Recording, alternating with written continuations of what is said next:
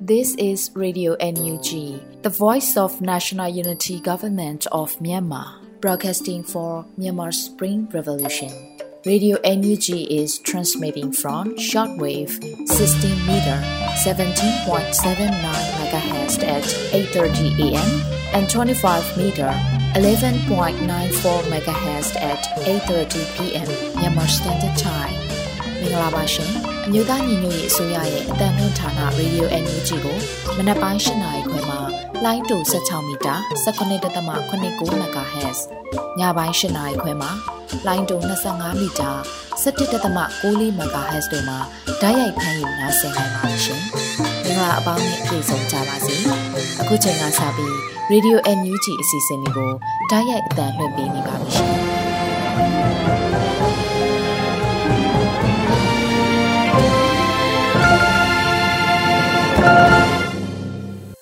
မြန်မာနိုင်ငံသူနိုင်ငံသားအပေါင်းတဘာဝပြီးဆရာနာရှင်ပေတို့ကနေကင်းဝေးပြီးကိုစိတ်နှပါပေးကင်းလုံးကြုံကြပါစေလို့ရေဒီယိုအန်ယူဂျီဖွယ်သားများကဆုတောင်းမြတ်တာပို့သလာရပါတယ်။အခုချိန်ကစပြီးကာကွယ်ရေးဝန်ကြီးဌာနမှထုတ်ပြန်တဲ့စီးသတင်းချင်းချုပ်ကိုຫນွေဦးမောင်မှဖတ်ကြားတင်ပြပေးပါမယ်ရှင်။စကိုင်းတိုင်းတွင်မတ်လ16ရက်နေ့မနက်9:00နာရီခန့်ကရင်းမပင်မြို့နယ်ဗန်ပွေးကျေးရွာရှိစစ်ကောင်စီတပ်သားများကိုဒေသခံကာကွယ်ရေးအဖွဲ့မှလက်နက်ကြီးများဖြင့်ပစ်ခတ်တိုက်ခိုက်ခဲ့သည်။ မတ်လ16ရက်နေ့နေ့လယ်တနာရီခန့်ကတပိန်းမြို့နယ်ချောင်းမီတို့ကျေးရွာနဲ့တဲတော်ကျေးရွာများသို့လာသောစစ်ကောင်စီတပ်သားများကိုပြည်သူ့ကာကွယ်ရေးတပ်ပေါင်းစုကတိုက်ခိုက်ခဲ့ရာစစ်ကောင်စီတပ်သားများသေဆုံးမှုရှိပြီးအများအပြားဒဏ်ရာရရှိခဲ့သည်မတ်လ16ရက်နေ့နေ့လယ်တနာရီခန့်ကတပိန်းမြို့နယ်ချောင်းမီတို့ကျေးရွာနဲ့တီတော်ကျေးရွာများသို့လာသောစစ်ကောင်စီတပ်သားများကိုပြည်သူ့ကာကွယ်ရေးတပ်ပေါင်းစုကတိုက်ခိုက်ခဲ့ရာစစ်ကောင်စီတပ်သားများသေဆုံးမှုရှိပြီးအများအပြားဒဏ်ရာရရှိခဲ့သည် တနင်္သာရီတိုင်းတွင်မတ်လ16ရက်နေ့မနက်6နာရီမှ9နာရီအထိပလောမြို့နယ်ပလောကုန်းကျေးရွာတွင်ပြူစောတိအဖွဲ့နှင့်ပြည်သူ့ကာကွယ်ရေးပူးပေါင်းတပ်တို့တိုက်ပွဲဖြစ်ပွားနေချိန်တွင် စစ်ကူလာသောစစ်ကောင်စီများကိုထမင်းမဆာကျေးရွာအနီးနန်းပြုတ်ရွာတွင်ပြည်သူ့ကာကွယ်ရေးတပ်များကမိုင်းဆွဲတိုက်ခတ်ခဲ့ရာစစ်ကောင်စီတပ်သား20ဦးထပ်မံသေဆုံးခဲ့သည်မကွေးတိုင်းတွင်မတ်လ15ရက်နေ့နေ့လယ်3နာရီခန့်ကရေစကြုံမြို့နယ်ဝက်ခုတ်ရွာအနီးတွင်စစ်ကောင်စီတပ်သားအင်အား60ခန်းရှိစစ်ကြောင်းကိုပြည်သူ့ကာကွယ်ရေးအဖွဲ့ရေစကြိုမြိုင်စာလင်ကြီးစလင်းကြီးနဲ့ KG အဖွဲ့များကပူးပေါင်းတိုက်ခိုက်ခဲ့ရာတနာရီကြာတိုက်ပွဲဖြစ်ပွားခဲ့ပြီးစစ်ကောင်စီတပ်သားများထိခိုက်ဒေဆုံးမှုများခဲ့ကပြည်သူ့ကာကွယ်ရေးတပ်သားတို့ကြာဆုံးခဲ့သည်မတ်လ16ရက်နေ့ညနေ9:00နာရီခန့်ကစေတုတ်တရားမြို့နယ်နဲ့စောမြို့နယ်ဒေသအဆက်ကြံစိတ်ကြီးရွာနဲ့ညောင်ပင်ချင်းကြီးရွာကြားလမ်းပိုင်းတွင်စစ်ကောင်စီအရာရှိရင်ကိုပြည်သူ့ကာကွယ်ရေးတပ်ဖွဲ့လောင်းရှည်ဒေသ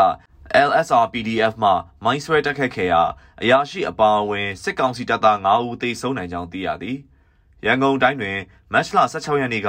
တန်လျင်မြို့နယ်ခရမ်းမြို့နယ်ကြားရှိဖားကူကျေးရွာရဲစခန်းကိုပြည်သူ့ကာကွယ်ရေးအဖွဲ့တန်လျင်ကဝင်ရောက်ပစ်ခတ်တိုက်ခိုက်ခဲ့ရာအပြန်အလှန်ပစ်ခတ်မှုဖြစ်ပွားခဲ့သည်။ဆက်လက်ပြီးစစ်ကောင်စီကျူးလွန်သောရာဇဝဲမှုများကိုတင်ဆက်ပေးပါမယ်။ချင်းပြည်နယ်တွင်မတ်လ15ရက်နေ့မနက်9:00နာရီခန့်ကကံပတ်လက်မြို့နယ်စံမသားကျေးရွာရှိပြည်သူပိုင်နေအိမ်များကိုစစ်ကောင်စီတပ်သားများကမှွေနှောက်ဖျက်ဆီးပြီးမိရှို့သွားကြောင်းသိရသည်။ စကိုင်းတိုင်းတွင်မတ်လ16ရက်နေ့မနက်4:00နာရီခန့်ကကံဘလူမြို့နယ်ဇင်းကျေးရွာအနီးမတ်နော်မန္တလာနဲ့တက်စာလိုင်ခီးရည်တင်ကားနှစ်စီးကိုစစ်ကောင်စီတပ်သားများကပစ်ခတ်ခဲ့ရာရင်မောင်းနဲ့ဘတ်စကားမယ်တို့တိုက်ဆုံခဲ့သည်။စကိုင်းတိုင်းတွင်မတ်လ16ရက်နေ့မနက်4:00နာရီခန့်ကကန့်ဘလူမြို့နယ်ဇင်းကျေးရွာအနီးမနော်မန္တလာနဲ့တက်စာလိုင်ခီးတဲ့တင်ကားနှစ်စီးကိုစစ်ကောင်စီတပ်သားများကပစ်ခတ်ခဲ့ရာရင်မောင်းနဲ့ဘတ်စကားမယ်တို့တိုက်ဆုံခဲ့သည်မကွေးတိုင်းတွင် မတ်လ15ရက်နေ့ည9:00နာရီခန့်ကရေစကြိုမြို့နယ်တောင်အိုနဲ့တာတိုင်းရွာများတွင်စစ်ကောင်စီတပ်သားများနှင့်ပြူစောတိများဝင်ရောက်လာခြင်းကြောင့်ဒေသခံပြည်သူများထွက်ပြေးတိမ်းရှောင်နေကြရသည်မန္တလေးတိုင်းတွင်မတ်လ15ရက်နေ့ည9:00နာရီခန့်ကအောင်မြေသာဆန်မြို့နယ်လမ်း80နဲ့12လမ်းတွင်မုတ်ဝယ်ပြီးပြန်လာသောစိုက်ကယ်ကိုတားဆီးစစ်ဆေးခြင်းမပြုလုပ်ဘဲစစ်ကောင်စီများကပြစ်ခတ်ခဲ့ရာအမျိုးသမီးတအုပ်ပွဲချင်းပြီးတေဆုံးသွားခဲ့ပြီးအခြားလူငယ်တအုပ်မှလည်းဆေးရုံရောက်ချိန်တွင်တေဆုံးသွားခဲ့သည် ပဲခူးတိုင်းတွင်မတ်လ16ရက်နေ့မနက်တနာရီခန့်ကကျိုးပင်ကောက်မြို့နယ်ရန်ကုန်ပြည်ကားလမ်းဘေးရီရှင်းဆိုင်ကယ်ဆိုင်အနီးတွင်အမျိုးသားတအုပ်ကိုစစ်ကောင်စီများကပြစ်ခတ်ဖမ်းဆီးခဲ့ရာခြေသလုံးထိမှန်ပြီးပြည်သူ့စေယုံတွင်စေကူတာမှုခံယူနေရသည်မှတ်ချက်မြေပြင်သတင်းတာဝန်ခံများနဲ့သတင်းဌာနများမှဖော်ပြလာသောအချက်အလက်များပေါ်အခြေခံပြုစုထားသည်ကျွန်တော်ကတော့ຫນွေဦးမောင်ပါ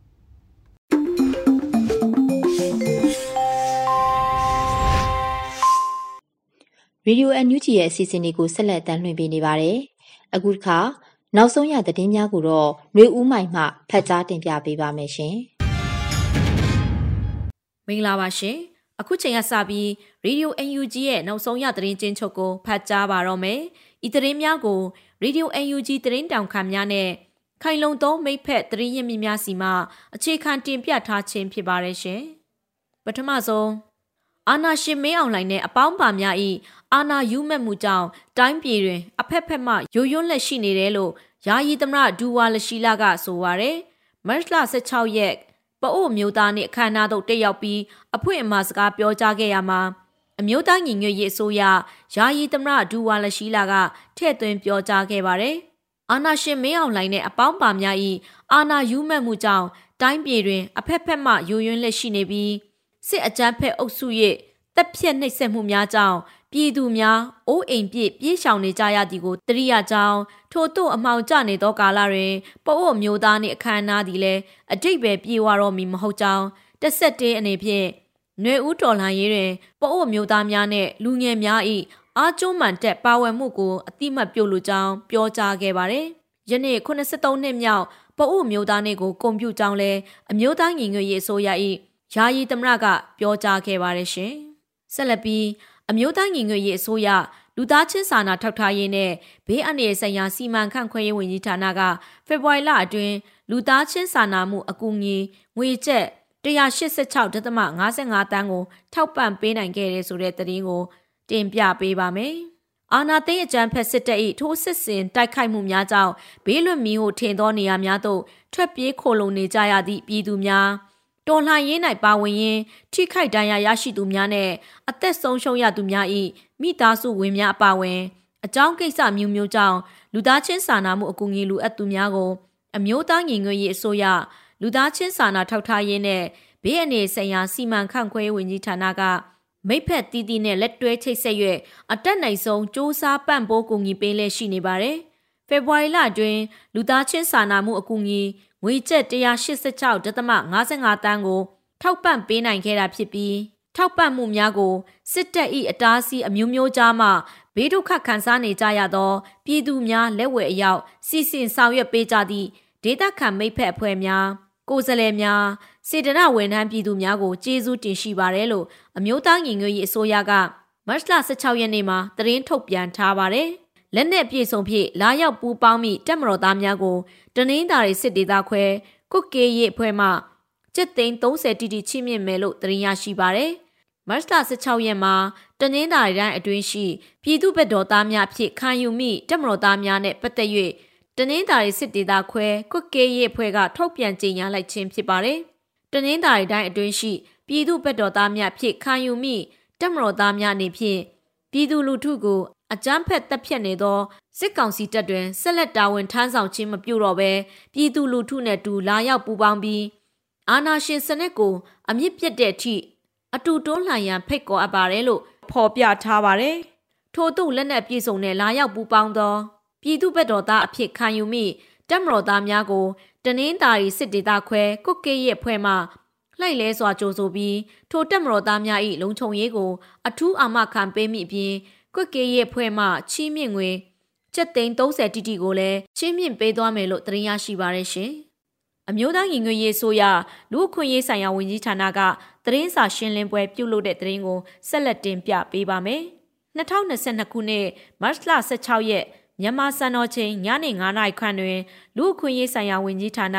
ဝန်ကြီးဦးအောင်မျိုးမင်းဦးဆောင်ပြီးသတင်းစာရှင်းလင်းပွဲကိုအွန်လိုင်းကပြုလုပ်ခဲ့ပါတယ်။လူအခွင့်ရေးဆိုင်ရာဝန်ကြီးဌာနနေဖြင့်ဂျနီဗာမြို့ရှိ ကုလသမဂ္ဂလူအခွင့်ရေးကောင်စီသို့တင်သွင်းသောနိုင်ငံတကာအရေးယူရန်လိုအပ်သည့်စစ်ကောင်စီ၏ဆိုးရွားသောရာဇဝတ်မှုများအစီရင်ခံစာနှင့်ပတ်သက်သည့်အကြောင်းများကို ရှင်းလင်းတင်ပြခဲ့တာဖြစ်ပါတယ်။ဝင်ကြီးဦးအောင်မျိုးမင်းနဲ့ဒုတိယဝင်ကြီးဗဟန်းထန်တို့ကရှင်းလင်းတင်ပြခဲ့ကြပြီးမြေပြင်တွင်လက်ရှိခံစားနေရသောပြည်သူများကလည်းတည်တည်ခံပြောကြားပေးခဲ့ပါတယ်။ရင်းတို့ရှင်းလင်းပြောကြားပြီးတွင်တက်ရောက်လာကြတဲ့မီဒီယာများရဲ့ မေးမြန်းချက်များကို ပြန်လည်ဖြေကြားခဲ့ကြပါရရှင်။ဆက်လက်ပြီးပလဲမြို့နယ်နှော်ရိုးတုံးကန်ကျေးရွာများမှလူသက်မီးရှုပြန်လာတဲ့စစ်ကောင်စီတပ်များကိုလက်နက်ကြီးများဖြင့်ကျက်သက်နဲ့ပျောက်ကြားတပ်ဖွဲ့တိုက်ခိုက်တဲ့သတင်းကို တင်ပြပေးပါမယ်။ပလဲမြို့နယ်နှော်ယို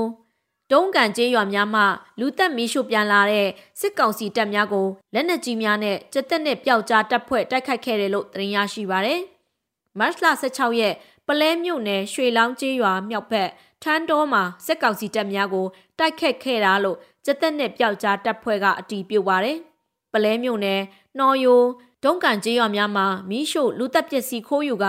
အင်ဂျင်ဆိုကြေးရွာရဲ့ညအိတ်ထွက်ခွာလာသောစစ်ကောင်စီတပ်အင်အား80ခန့်ဟာအင်ဂျင်ဆိုမှခြေလင်ထွက်ခွာလာကြပြီးကံပေါက်ကြေးရွာမြောက်ဘက်မှရွှေလောင်းကြေးရွာမြောက်ဘက်ထန်းတောအရင်စခန်းချနားနေရာကျက်သက်နဲ့ပျောက်ကြားတပ်ဖွဲ့မှ နှစ်ဆင့်ကွဲလက်နက်ကြီးများဖြင့်တိုက်ခိုက်ခဲ့ပါတယ်လို့ဆိုပါတယ်။တိုက်ခိုက်မှုကြောင့်စစ်ကောင်စီတပ်များအများပြားဒဏ်ရာရရှိကာမူလထိုးလာလမ်းကြောင်းပြောင်းကပလဲမြို့တွင်သို့ဝေးရောက်သွားခဲ့တယ်လို့သိရပါတယ်။ကျက်သက်နဲ့ပျောက်ကြားတပ်ဖွဲ့များထိခိုက်မှုမရှိကောင်းမွန်စွာပြန်လည်ဆုတ်ခွာနိုင်ခဲ့တယ်လို့သိရပါတယ်ရှင်။ဆက်လက်ပြီးပြည်သူလူထုရဲ့နေအိမ်ရက်ရွာမီးရှုမှုတွေကိုစစ်တပ်ကျူးလွန်နေတဲ့စစ်ကောင်စီရဲ့ရွာမီးရှို့ခြင်းတရင်များကိုစူးစီးတင်ပြပေးပါမယ်။ စကိုင်းတိုင်းရင်းမာပင်မြို့နယ်တွေကဗန့်ပွဲကျေးရွာပါဝင်ရွာပေါင်း6ရွာကိုစစ်ကောင်စီတပ်က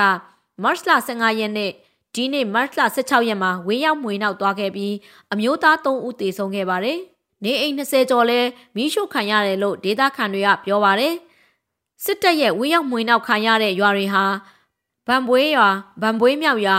ထန်းစင်ရွာလက်ပံရွာ၊ကွိတ်ချောင်းရွာနဲ့နဘိုးတော်ရွာတို့ဖြစ်တယ်လို့သိရပါတယ်။ ဗံပွေးရွာမှတွင်စစ်ကောင်စီတပ်များရက်20ကျော်ကြာတပ်ဆွဲထားပြီးဗံပွေးထန်းစင်ရွာကအမျိုးသားတအူလက်ပံရွာကအမျိုးသားတအူနဲ့ကွေချောင်းရွာမှအမျိုးသမီးတအူတို့ကိုမတ်လ15ရက်နေ့တွင်ဖမ်းဆီးတပ်ဖြတ်ခဲ့တာဖြစ်ပါတယ်။စစ်တပ်ကကြေးရွာများတွင်လှည့်ပတ်သွားလာနေခြင်းကြောင့်တေဆုံးသူများ၏အမိများနဲ့မိသူဖြစ်တီကိုအတိမပြုတ်နိုင်သေးဘူးလို့ဆိုပါတယ်။နှစ်ရက်အတွင်းမှာမုံရွာရာကြီးလမ်းမဘေးက ကွေချောင်းရွာနားမှာအသက်20ဝန်းကျင်ရှိတဲ့မောင်သိန်းလင်းဆိုသူကိုတနက်တန်ရာနဲ့တေဆုံးတာတွေ့ခဲ့ရတယ်။နောက်ပြီးလက်ပံကျေးရွာကအသက်40ဝန်းကျင်ကိုသိန်းနိုင်ဆိုသူလဲဦးခေါင်းကိုတနက်နဲ့အပြစ်ခံရပြီးတေဆုံးတယ်လို့ဒေတာခန်တဦးကပြောပါတယ်။နှစ်ရက်အတွင်းထန်းစင်ရွာကနေအိမ်၁၈လုံးနဲ့ဗန်ပွေးမြောက်ရွာကနေအိမ်နှလုံးမိရှုခံရတဲ့အပြင်ကျွဲနွားဝက်နဲ့မြင်းတွေလည်းတေဆုံးခဲ့ပါတယ်။အလားတူစကိုင်းတိုင်းခင်ဦးမြို့နယ်ရှိ ကလလူးရွာနဲ့ရှားလွန်ရွာတို့ကိုစစ်တပ်ကမတ်လ16ရက်မွန်းလွဲပိုင်းတွင်လက်နက်ကြီးလက်နက်ငယ်များဖြင့်ပစ်ခတ်ပြီးကျေးရွာထဲရှိပြည်သူပိုင်နေအိမ်များကိုမိရှုဖြစ်စီသွားပါတယ်။အင်တာနက်လိုင်းနဲ့ဖုန်းလိုင်းများဖြတ်တောက်ထားခြင်းကြောင့်ပြည်သူများထိခိုက်မှုအခြေအနေနဲ့ပစ္စည်းဆုံးရှုံးမှုအခြေအနေမသိရှိရသေးပါဘူး။စကိုင်းတိုင်းခင်ဦးမြို့နယ်ရွှေဘိုမြစ်ကြီးနားလမ်းပိုင်းရှိ တမုတ်ကျေးရွာကိုအကြမ်းဖက်စစ်ကောင်စီတပ်ဖွဲ့များကမတ်လ15ရက်နေ့တွင်ကျေးရွာအရင်းသို့လက်နက်ကြီးများဖြင့်ပစ်ခတ်ပြီးရွာလုံးကျွတ်မိရှုဖြစ်စီခဲ့ကြောင်းဒေသခံပြည်သူများကပြောဆိုပါရယ်တမုတ်ကျေးရွာအတွင်းရှိပြူစောတီနေအိမ်၅လုံးသာကျန်ရှိခဲ့ပြီးနေအိမ်63လုံးကိုစစ်တပ်နဲ့ပြူစောထီးများကမိရှုဖြစ်စီခဲ့ကကျေးရွာရင်းရှိပြည်သူပိုင်ကားတစ်စီးစိုင်ကယ်9စီးရေတင်ဆက်8လုံးဓာတ်ဆီအင်ဂျင်3လုံးနွား3ကောင် စိတ်9ကောင်နဲ့ဝက်တကောင်တို့ကိုတပ်ဖြတ်မိရှုဖြစ်စီခဲ့ကြောင်းသိရပါဗျ။လက်ရှိတွင်ဘေးလွတ်ရာသို့ထွက်ပြေးတိမ်းရှောင်နေရသောပြည်သူများသည်အစားအသောက်နှင့်ဆေးဝါးပစ္စည်းများအရေးပေါ်လိုအပ်လက်ရှိကြောင်းသိရှိရပါတယ်ရှင်။ကျွန်မຫນွေဦးမိုင်ပါ။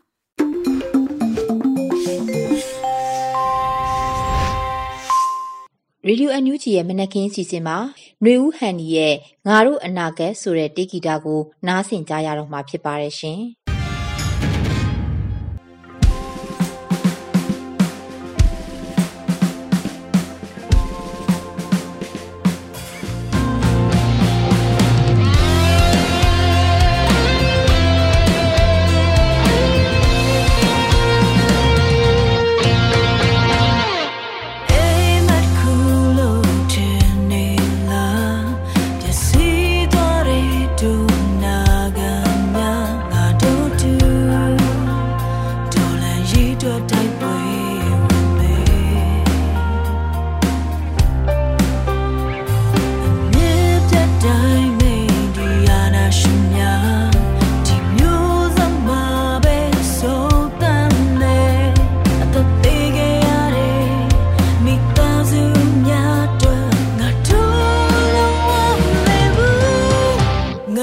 အ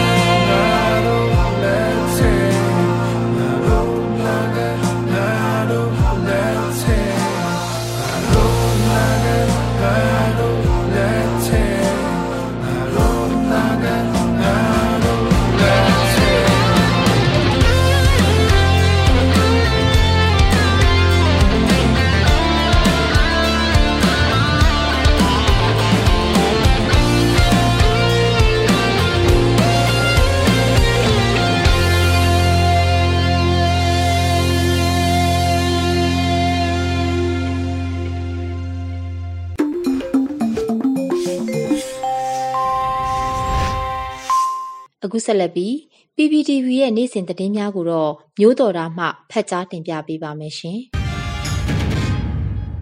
ပထမဆုံးတင်ဆက်ပေးမှာကတော့ပအုပ်တိုင်းရင်းသားတွေနဲ့အတူဆီယနာရှင်ကြာဆုံးရင်းနဲ့အနာဂတ်ဖက်ဒရယ်ဒီမိုကရေစီနိုင်ငံတော်သစ်တည်ဆောက်ရေးမှာလက်တွဲပြီးဘုံပန်းတိုင်စီချီတက်ကြမယ်လို့ပြည်ထောင်စုလွှတ်တော်ကိုစားပြုကော်မတီကကြေညာချက်ထုတ်ပြန်လိုက်တဲ့သတင်းမှာ ဒီနေ့မှာကြားရောက်တဲ့83နှစ်မြောက်ပအုပ်အမျိုးသားနေဦးတီချက်တွေကနေတဆင့်ပအုပ်တိုင်းရင်းသားတွေနဲ့အတူတိုင်းရင်းသားပြည်သူအလုံးကအတူတကွလက်တွဲပြီးစစ်အာဏာရှင်စနစ်ကြအဆုံးရင်းနဲ့အနာဂတ်ဖက်ဒရယ်ဒီမိုကရေစီနိုင်ငံတော်တည်တည်ဆောက်ရေးအတွက်တူညီတဲ့ရည်ရွယ်ချက်တွေနဲ့ပုံပန်းတိုင်စီကိုစ조사ချီတက်ရှေ့ဆက်ကြဖို့အတွက်ပြည်ထောင်စုလွှတ်တော်ကိုစားပြုကော်မတီ CRPH ကသဝန်လွှာပေးပို့ခဲ့ပါတယ်။ ပြည်ထောင်စုလွှတ်တော်ကိုစားပြုကော်မတီ CRPH ကပေးပို့တဲ့သုံးလွှာမှာတော့ဒီနေ့ကြားရောက်တဲ့ထူးခြားတဲ့သမိုင်းအစဉ်လာကိုအကြောင်းပြုပြီးကျေးဇူးတရားကိုဖော်ညွှန်းရန်ကျင်းပတဲ့နေ့ထူးနေ့မြတ်ပအိုအမျိုးသားနေ့အခါသမယပါ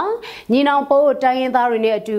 နိုင်ငံတော်ဝန်မီတင်းနေထိုင်ကြတဲ့တိုင်းရင်းသားပြည်သူအပေါင်း PND အပေါင်းကနေကင်ဝေပြီးကိုစိတ်နှပါကျမ်းမှာရှင်လန်းပါစေကြောင်းဆုမွန်ကောင်းတောင်းပေးထားပါတယ် လွန်ခဲ့သောနှစ်ပေါင်း2500ကျော်ကပအိုတိုင်းရင်းသားတို့ရဲ့ဂုံဂုံမြင့်တင်ပေးခဲ့ပြီးတောက်ပသောခေတ်ကာလအနာဂတ်ကိုဖန်တီးပေးခဲ့တဲ့သူရဲ့ဆန္ဒမင်းရဲ့ကျေးဇူးတရားကိုဖော်ညွှန်းရန်ထိုမင်းရဲ့မွေးနေ့ဖြစ်တဲ့တပေါင်းလပြည့်နေ့ကိုပအိုအမျိုးသားနေ့အဖြစ်သတ်မှတ်ဖို့တောင်းဆိုခဲ့ကြပြီးလွတ်လပ်ရေးရပြီးတဲ့နောက်ပိုင်းပအိုအမျိုးသားတို့ရဲ့နေထူးနေမြတ်ဖြစ်စတင်ကျင်းပလာခဲ့တာဟာယနေ့83နှစ်တိုင်ခဲ့ပြီဖြစ်တယ်လို့ဆိုပါတယ်။ပအိုတိုင်းရင်းသားတွေကကိုပိုင်စာပေယဉ်ကျေးမှုရိုးရာတလေးတွေပိုင်ဆိုင်ထားပြီးဘာသာတရားကိုအထူးအလေးထားတဲ့လူမျိုးတွေဖြစ်ပါတယ်။ပအိုတိုင်းရင်းသားကောင်းဆောင်တွေကလွတ်လပ်ရေးကြိုးပမ်းမှုမှာစိတ်အားထက်သန်စွာပါဝင်ခဲ့ကြပြီးဘင်လွန်စာချုပ်လက်မှတ်ရေးထိုးရမှာပအိုအမျိုးသားကောင်းဆောင်တထုံစော်ဘွားကိုစလဲဥဖြူက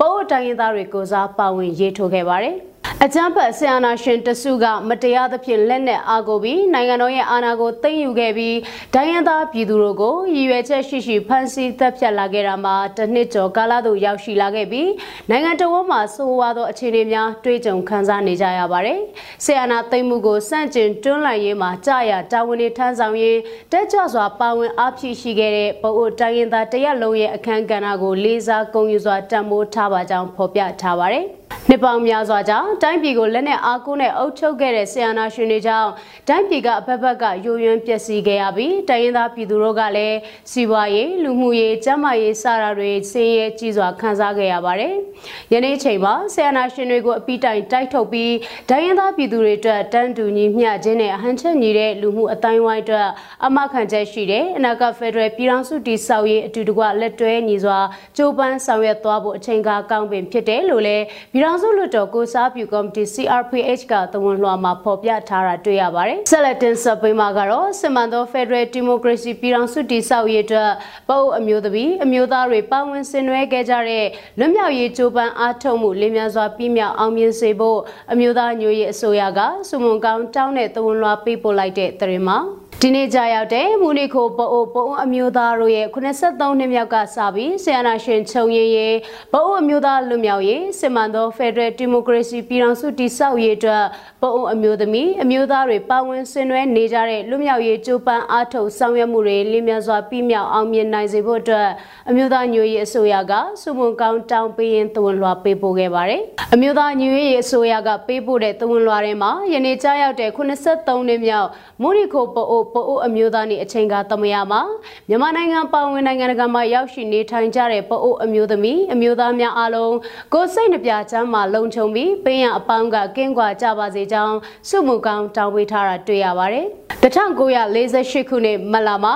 ဖလာပလာအစိုးရရဲ့မြေယာခွဲဝေရေးမူဝါဒကိုလက်မခံနိုင်ကြတဲ့တထုံသေးသားရဲ့ပအိုလယ်သမားတထောင်ကျော်ကပအိုတောင်သူအဖွဲ့ချုပ်ရဲ့ဥဆောင်မှုအောက်မှာတထုံမျိုးရေကျော်ဖုန်ကြီးကျောင်းအတွင်းလူထုစီဝေးကြီးတရက်ကျင်းပခဲ့ကြပါတယ်။အစီဝေးကြီးမှာမြေယာခွဲဝေရေးမူဝါဒကိုပြန်လည်ရုပ်သိမ်းပေးရဲ့အပါဝင်မိမိတို့လူမျိုးအမည်ကိုတောင်သူလို့ခေါ်ဆိုခြင်းမပြုဘဲပအိုလို့သာခေါ်ဆိုရေးသားပေးရန်တောင်းဆိုခဲ့ကြတာပါ။ ဒါအပြင်1949ခုနှစ်ကစပြီးတပေါင်းလပြည်နယ်မှာပအို့လူမျိုးတွေကျင်းပလေရှိတဲ့ကောက်သစ်ပူဇော်ပွဲတွေကိုပအို့အမျိုးသားနေ့အဖြစ်ပြောင်းလဲကျင်းပရန်ဆုံးဖြတ်ခဲ့တယ်လို့ဖော်ပြထားတာတွေ့ရပါတယ်။ပအို့လူမျိုးတွေကလွန်ခဲ့တဲ့နှစ်3000ဝန်းကျင် PC 1000ဝန်းကျင်ကလေးကပင်မျက်မှောက်ခင်မွန်ပြည်နယ်တထုံဒေသမှာအခြေချနေထိုင်ခဲ့ကြတဲ့ဌာနေတိုင်းရင်းသားလူမျိုးတွေပါ။ နှစ်3000ကြာဖြတ်တန်းလာခဲ့တဲ့သမိုင်းတလျှောက်နိုင်ငံရေးရချိုချင်းခါချင်းအစရှိတဲ့အတွေ့အကြုံပေါင်းမြောက်များစွာကိုရင်ဆိုင်ခဲ့ကြပါတယ်။နှစ်ပေါင်း3000ကြာနိုင်ငံရေးအခင်းချင်းမျိုးစုံအောက်မှာကြမ်းကြမ်းခိုင်ဖြတ်တန်းလာခဲ့တဲ့ပအို့လူမျိုးတွေရဲ့ကြမ်းခိုင်မှုနဲ့ဇွဲလုံးလာတွေကိုချီကျူးကုန်ပြူထားတာလဲထုတ်ပြန်ချက်မှာတွေ့ရပါတယ်။2022ခုနှစ်ဖေဖော်ဝါရီ10ရက်နေ့မှာအကြမ်းဖက်တမတော်ကနိုင်ငံတော်အာဏာကိုထပ်မံလူယူသိမ်းပိုက်ရန်စ조사လာခဲ့တဲ့အခါပအို့လူမျိုးများစွာကလက်မခံစန့်ကျင်ခဲ့ကြပါတယ်။ယခုအခါဆီယနာရှင်စနစ်အပါအဝင်အာဏာရှင်စနစ်ဟူသမျှကိုပြက်ပြက်သားသားစန့်ကျင်တိုက်ဖြတ်ပြီး Federal Democracy ပြည်ထောင်စုကိုတိစောက်လိုကြတဲ့ပအိုအင်အားစုတွေအနေနဲ့ပအိုအမျိုးသား Federal Council ပအို National Federal Council ရဲ့ဦးဆောင်မှုအောက်မှာအတူတကွဆူစီပြီးလက်တွေ့ကြတဲ့နိုင်ငံရေးအခင်းကျင်းတွေကိုဝင်ရောက်ဆင်နွှဲနေကြတာကိုလည်းတွေ့ရှိရတဲ့အတွက်များစွာဝမ်းမြောက်ဂုဏ်ယူမိတယ်လို့အမျိုးသားညီညွတ်ရေးအစိုးရရဲ့ထုတ်ပြန်ချက်မှာဖော်ပြထားတာတွေ့ရပါတယ်။ဆက်လက်တင်ဆက်ပေးမှာကတော့ရန်ကုန်မြို့အတွင်းမှာအကြံဖက်ဆီယနာရှင်စန့်ကျင်တော်လှန်ရေးတပိတ်ဆင်နွှဲနေတဲ့ရေဘဝဲပြည်သူအကျိုးပြုလူငယ်အဖွဲ့အစည်းကသူတို့လှုပ်ဆောင်နေတဲ့ပြန်ဆုံနမိတ်နဲ့ရန်ကုန်တပိတ်မှာအခြားသောတပိတ်အင်အားစုတွေပူးပေါင်းလှုပ်ဆောင်ဖို့အတွက်ဖိတ်ခေါ်လိုက်ပါတယ်။ ရေပဝဲပြည်သူအကျိုးပြုလူငယ်အဖွဲ့အစည်းရဲ့ထုတ်ပြန်ချက်မှာတော့အပြန်အလှန်လေးစားမှုရိုသားမှုစနစ်တကျဆောင်ရွက်နိုင်မှုရှိတဲ့မြည်သည့်တပိတ်အင်အားစုတွေကော်မတီတွေတတိပုဂ္ဂလရဲဘော်တွေရဲဘော်ရဲမေတွေနဲ့မဆိုညီညာချစ်ခင်စွာပူပေါင်းပြီးဘုံရန်သူကိုအထူးတကတိုက်ထုတ်ရန်အသင့်ရှိနေပါကြောင်းနဲ့ကျွန်ုပ်တို့ရေပဝဲပြည်သူအကျိုးပြုလူငယ်အဖွဲ့အစည်းမှပြည်သူလူထုနဲ့အတူဆင်နွှဲနေတဲ့ပြန်ဆောင်နမိတ်နဲ့ရန်ကုန်တပိတ်လူထုတပိတ်တိုက်ပွဲကိုရန်ကုန်မြို့ရှိတပိတ်အင်အားစုများကော်မတီများနဲ့အတူတတိပုဂ္ဂလရဲဘော်ရဲမေများအားလေးစားစွာဖိတ်ခေါ်အပ်တဲ့ဆိုပြီးဖော်ပြထားပါတယ်။အကြမ်းဖက်ဖက်စစ်တပုံတက်ရဲ့ရုံမာမှုတွေကြောင့်သွေးမြေကြားခဲ့ရတဲ့ဖြစ်စဉ်တွေအနက်မှာမကြသေးမီအချိန်တွင်ပန်းပင်ကြီးလမ်းမှပန်းပင်ဒီလမ်းသို့ပြောင်းလဲခဲ့ရတဲ့ဖြစ်စဉ်တွေတက်ရှိုသွေးခွဲကူညီတယောင်ပုံစံနဲ့ထောင်ပန်းခဲ့တဲ့ဖြစ်စဉ်တွေကြိုတင်သတင်းရရှိမှုတွေကြောင့်အရောက်ဝတ်နဲ့အသက်မပြည့်သေးတဲ့ပြည်သူတွေကိုအကြမ်းဖက်နှိပ်စက်ဖမ်းဆီးခဲ့တဲ့ဖြစ်စဉ်တွေနဲ့အခြားသတင်းအဖြစ်တက်လာခြင်းမရှိတဲ့ဖြစ်စဉ်တွေအတွက်အထူးပင်ဝန်နေမိတယ်ဆိုပြီးတော့လည်းထုတ်ပြန်ချက်မှာဖော်ပြထားပါတယ်။ ဒါပြင်တယောက်ထိရင်နှစ်ယောက်ကြွမယ်ဆိုတဲ့ဟစ်ကြွေးတန်တဲ့ညီຫນွေဦးတော်လိုင်းရေးတိုက်ပွဲအတွင်းကြာဆုံးခဲ့သောအာဇာနည်သူရဲကောင်းတွေလူငယ်ပြုပြေစကန်အတွင်းကအသက်မပြည့်သေးတဲ့ចောင်းသားပြည်သူတွေအကျဉ်းစကန်အသီးသီးရှိရဲဘော်ရဲမေတွေနဲ့မိဘပြည်သူတွေအမြန်ဆုံးပြန်လည်စုံစည်းနိုင်ဖို့နဲ့ဆီယနာရှင်စနစ်အလုံးစုံပြတ်သုံးရန်နှစ်ဆမှသည့်အစထောင်တောင်းမကကြိုးပမ်းဆောင်ရွက်နိုင်ပါစေကြောင်းရေဘဝဲပြည်သူအကျိုးပြုလူငယ်အဖွဲ့အစည်းစုမွန်ကောင်းတောင်းထားတာလည်းတွေ့ရပါတယ် အခုနောက်ဆုံးနေတဲ့လူမျိုးပေါင်းစုံဘာသာပေါင်းစုံပါဝင်တဲ့ဆရာနာရှင်မြစ်ပြတ်ချင်းမုံရေးလူထုဆန္ဒပြပွဲတရင်တွေကိုစူးစီးတင်ဆက်ပေးမှာဖြစ်ပါတယ်မန္တလေးမြို့ရဲ့တော်လှန်တဲ့လူငယ်တွေကလည်းဒီနေ့မနေ့မှာဆီယနာရှင်စန့်ကျင်ရေးဆန္ဒပြလှုပ်ရှားမှုတစ်ခုပြုလုပ်ခဲ့ကြပါတယ်။ဆန္ဒပြလှုပ်ရှားမှုပြုလုပ်ခဲ့ကြတဲ့လူငယ်တွေကဂျူဘေမှာ Reflection of Revolution ဆိုတဲ့စာသားတွေချိတ်ဆွဲပြီးဆီယနာရှင်စန့်ကျင်မှုလှုပ်ရှားမှုတွေပြုလုပ်ခဲ့ကြပါတယ်။ ရမပင်မြို့နယ်ရမပင်အရှိချမ်းနဲ့စလင်းကြီးမြောက်ချမ်းကပြည်သူတွေစုပေါင်းထားတဲ့ရွာပေါင်းစုံတပိတ်ကလည်းဆီယနာရှင်စန့်ကျင်ရေးဆန္ဒပြပွဲကိုရက်ပေါင်း381အဖြစ်နဲ့ဒီနေ့မှာပြုလုပ်ခဲ့ကြပါတယ်။ဆန္ဒပြပြည်သူတွေက Freedom is not free လွတ်မြောက်ခြင်းသည်အလကားမရဆိုတဲ့စာသားတွေကင်ဆွဲပြီးဆီယနာရှင်စန့်ကျင်ရေးအဖြစ်နဲ့ချီတက်ဆန္ဒပြခဲ့ကြပါတယ်။ ရန်ကုန်လူငယ်တွေကလည်းအဖမ်းဆီးများတဲ့ကြားထဲကနေပြီးတော့ဒီနေ့မနေ့မှာဆရာနာရှင်စန့်ကျင်ရေးဆန္ဒပြတပိတ်ကိုပြုလုပ်ခဲ့ကြပါတယ်။ဆန္ဒပြလူငယ်တွေကဖိနှိပ်ဓမ္မခံတွန်းလိုက်ရင်အသင့်ဆိုတဲ့စာသားတွေကင်ဆောင်ပြီးတော့ဆရာနာရှင်စန့်ကျင်ရေးဆန္ဒပြလှုပ်ရှားမှုတွေပြုလုပ်ခဲ့ကြတာပါ။ဆန္ဒပြပွဲကိုဗမာလူငယ်ကွန်ရက်ကဥဆောင်ပြီးတော့ပြုလုပ်ခဲ့ကြတာလည်းဖြစ်ပါတယ်။ တနင်္သာရီတိုင်းလောင်းလုံမြို့နယ်မှာလည်းဆီယနာရှင်စန့်ကြေးဆန္ဒပြတပိတ်ကိုဒီနေ့မနေ့မှာပြုလုပ်ခဲ့ကြပါတယ်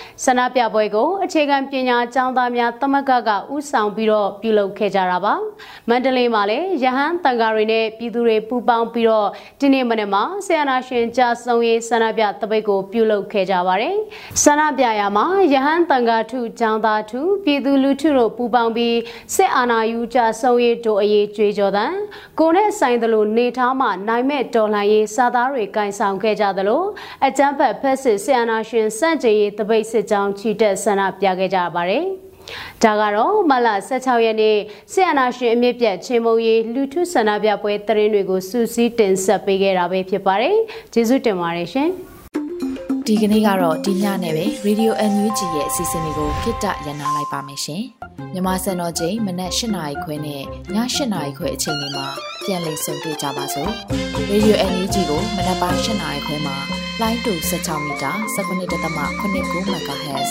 ညပိုင်း၈နာရီခွဲမှာလိုင်းတူ25မီတာ17.6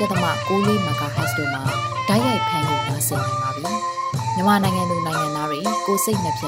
ကျန်းမာချမ်းသာလို့ဘေးကင်းလုံခြုံကြပါစေလို့ Radio NUG အဖွဲ့သူဖွဲ့သားတွေကဆုတောင်းမြတ်တာပို့တာလိုက်ရပါတယ်ရှင်။ အမျိုးသားညီညွတ်ရေးအစိုးရရဲ့စက်သွေးရေးသတင်းအချက်အလက်နဲ့လူပညာဝန်ကြီးဌာနကထုတ်လွှင့်နေတဲ့ Radio NUG ဖြစ်ပါတယ်။ San Francisco Bay Area အခြေစိုက်မြန်မာမိသားစုတွေနဲ့နိုင်ငံတကာကစေတနာရှင်လို့အားပေးနေတဲ့ Radio NUG ဖြစ်ပါတယ်။အရေးတော်ပုံအောင်ရမည်